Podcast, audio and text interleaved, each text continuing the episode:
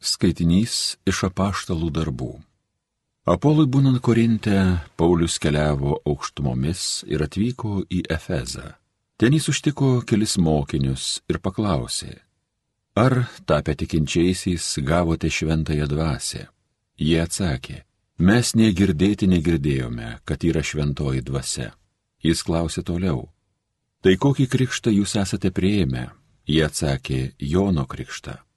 Tada Paulius paaiškino, Jonas krikštijo atsivertimo krikštu, ragindama žmonės tikėti būtent tą, kuris ateis po jo, būtent Kristų.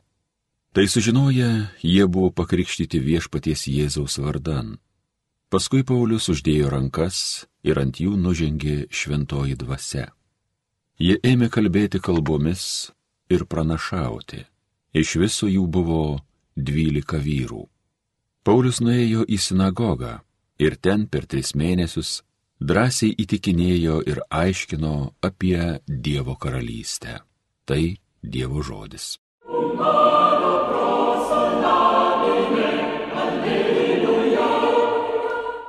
Pasaulio valstybės gėdokite Dievui. Vos Dievas galingai pakyla, jo priešai pakrinka, nekentėjai bėga šalin nuo jo veido. Kaip sklaidus dūmai pradingsta, kaip vaškas sutirpsta prieš ugnį, taip Dievo akivaizdoj nusidėjėliai žūva. Pasaulio valstybės gėdokite Dievui. Ogi teisėjai Dievo akise krikštauja žavis, šokinėja iš džiaugsmo, giesmės Dievui gėdokit, skambinkit jo vardo garbiai, jis viešpats vadinas. Pasaulio valstybės gėdokite Dievui. Tėvas našlaičiams, globėjas našlėms yra Dievas, savo šventojoj buveiniai, duoda namus apleistiesiems, belaisviams gerovės duris atidaro. Pasaulio valstybės gėdokite Dievui. Alleluja, alleluja, alleluja. Jeigu esate su Kristumi prikelti, siekite to, kas aukštybėse, kur Kristus sėdi Dievo dešinėje. Alleluja, alleluja, alleluja. Viešpats su jumis. Pasiklausykite Šventojios Evangelijos pagal Joną. Mokiniai Jėzui tarė, štai dabar tu aiškiai kalbi ir nebesakai jokių palyginimų. Mes dabar matome, kad tu viską žinai ir nereikia tave klausinėti. Todėl mes ir tikime, kad tu esi išėjęs iš Dievo. Jėzus jiems atsakė, pagaliau tikite. Štai ateina valanda ir netgi yra atėjusi, kad jūs įsisklaidysite kas savo ir paliksite mane vieną. Tačiau aš ne vienas, nes su manimi yra tėvas. Aš jums tai kalbėjau, kad manie atrastumėte ramybę. Pasaulyje jūsų priespaudo laukia, bet jūs būkite drąsūs, aš nugalėjau pasaulį. Girdėjote viešpaties žodį.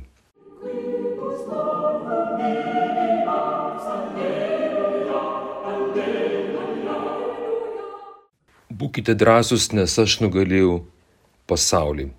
Tai Jėzaus žodžiai šiandien ir jo žodžiai buvo tada savo mokiniams, kurie buvo gavę Jono krikštą, bet dar nebuvo gavę šventosios dvasios krikšto. Iš pirmo žvilgsnio atrodo, kad viską suprantu savo jėgomis, kaip ir čia apaštalai džiaugiasi, nevar bando nuraminti mokytoją, kad pagaliau dabar tu aiškiai kalbi, nebereikia jokių palyginimų. Ir jie pasako tokį vieną svarbų dalyką, kad jie dabar mato, mato, kad tu viską žinai ir tada dėl to, kad mato, jie tiki. Mes žinome, kad viešpats, kada kreipiasi į savo tautą, kreipiasi į savoją bažnyčią, jisai sako, klausyk Izraelį. Jisai nesako, matyk, žiūrėk Izraelį, bet klausyk. Žydams nuo seno buvo aišku, kad matyti šitame gyvenime yra tik tai didelė svajonė.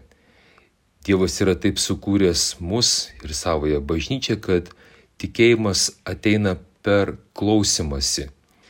Ir todėl tas pats negi pirmasis Dievo įsakymas, vad klausyk Izraelį, nematyk, bet klausyk, yra viena iš pagrindinių sąlygų, kad mūsų tikėjimas būtų tvirtas - klausyti ir paklusti Dievo žodžių. Kasgi atsitinka su mokiniais, kad e, netgi Jėzus išgirdęs tuos žodžius, kad jie neva sako, mes jau dabar suprantam ir matome, viešpats per daug nesureikšmina šitų žodžių, grinai gerų, geros valios žodžių, kai mes atrodo, na jau beveik jau ir viską žinome, bet jisai primena, kad, sako, ateina valanda ir netgi yra atėjusi, kad jūs įsisklaidysite kas savo, jūs įsilakstysite. Nes pasirodo žmogus pats savo jėgomis įvykdyti daugeliu dalykų, ką viešpats sako mums, ką jisai įsako, žmogiškam jėgom yra sunkiai įvykdoma. Mes netgi, kada klausėme šiandien pirmąjį skaitinį iš e, apaštalų darbų, kai štai apaštalas Paulius, kad yra Efezė, keliavo aukštumomis ir jisai užtinka irgi kelis mokinius ir užduoda tokį klausimą. Sako, ar tapę tikinčiais, va čia kaip tie apaštalai sako, mes matėme ir dabar tikime. Nu gerai, tu matei. Ar dabar tas tavo tikėjimas, kuo jisai, kuo jisai remiasi? Sako, ar gavote šventąją dvasę? Ir kai išgirsta apaštalas Paulius, kad e, tie, tie irgi krikščionys, mokiniai, jie net negirdėjo, kas yra šventoji dvasia, jisai, jisai suvokė, kad tas jų tikėjimas Jėzumi Kristumi Mesijų, jisai ilgai neatsilaikys pats va toksai. Todėl pirmą dalyką, ką jisai padarė, jisai sutvirtina tų tikinčiųjų, kurie buvo gavę tik tai Jono krikštą, kaip jį įvardina Paštalas Paulius, tas vadinamas atsivertimo krikštas, jis jį sutvirtina, uždėdamas rankas jiems ant galvos ir juos pakrikštyje antrą kartą, bet dabar jau krikštyje viešpaties Jėzaus vardu. Ir tokiu būdu jie sutvirtinti, štai kas pradeda su jais darytis. Jie ne, nebe tik tai, kad mato, e, bet jie, jie tiki ir tas jų tikėjimas yra praktinis. Štai kaip yra aprašoma, ką reiškia iš tiesų gyventi tuo tikėjimu ir ką reiškia iš tiesų praktikuoti krikščionišką gyvenimą. Štai sako, jie gavę šventąją dvasę ėmė kalbėti kalbomis, pranašauti ir aišku, jie darė tuos darbus, apie kuriuos irgi sakė Jėzus, ir jūs darysite tuos darbus, kuriuos aš dariau ir dar didesnių. Toliau šiandien bažnyčia irgi mus kviečia nepasilikti tik tai vadinamam regėjime, nes ir Biblijoje yra sakoma, mano teisusis gyvens nematymu, neregėjimu, bet tikėjimu. Jeigu jūs prisimenate tą sceną su Jėzumi po prisikelimo ir apaštalų Tomu, kai Tomas irgi pareikalavo e, matyti, nors jam aiškiai labai kiti jo bičiuliai apaštalai buvo sakę, mes, mes, mes tikrai matėme, mes buvom susitikę Jėzų, štai jisai klausydamas gerosios naujienos apie Jėzų, jisai atsisako tikėti, bet nori matyti. Ir ką daro Jėzus? Jėzus jam suteikia šitą malonę, leidžia ir pamatyti, ir ne tik tai pamatyti, bet leidžia panaudoti visas jūslės. Ir sako, bet palaiminti tie, kurie tiki nematė. Šios dienos iššūkis ir vat, paraginimas mums yra, kai mūsų laukia dar dideli išbandymai gyvenime, mumis pasitikrinti, ar mūsų tikėjimas, kuo mes dabar tikime, Jis remiasi kuo? Matos remiasi jūslėmis, regėjimu, kažkokios tai lytėjimu, ar jisai remiasi klausimusi ir remiasi šventosios dvasios paremtų tikėjimu. Ar aš savo tą regėtą arba išgirstą tikėjimą, ar tai būtų po pirmos komunijos, po rekolekcijų, po evangelizacijų, ar aš jį pritaikau praktikoje, ar aš šaukiuosi šventosios dvasios.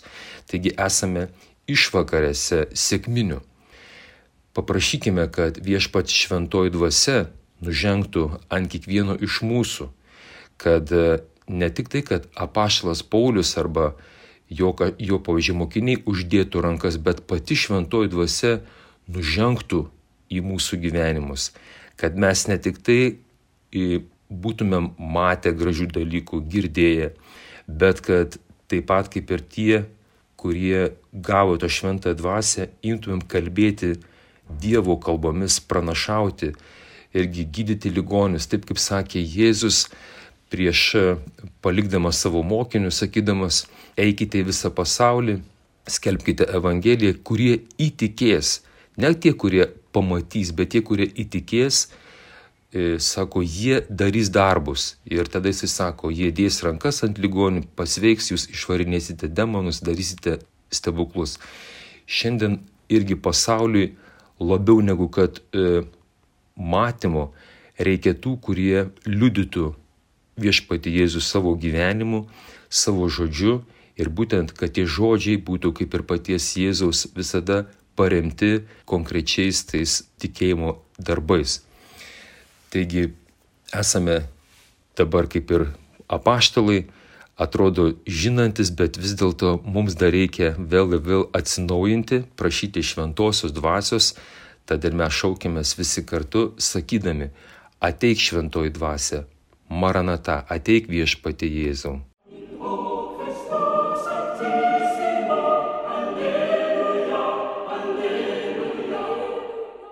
Homilija sakė brolis pranciškonas kunigas Paulius Vaineikis.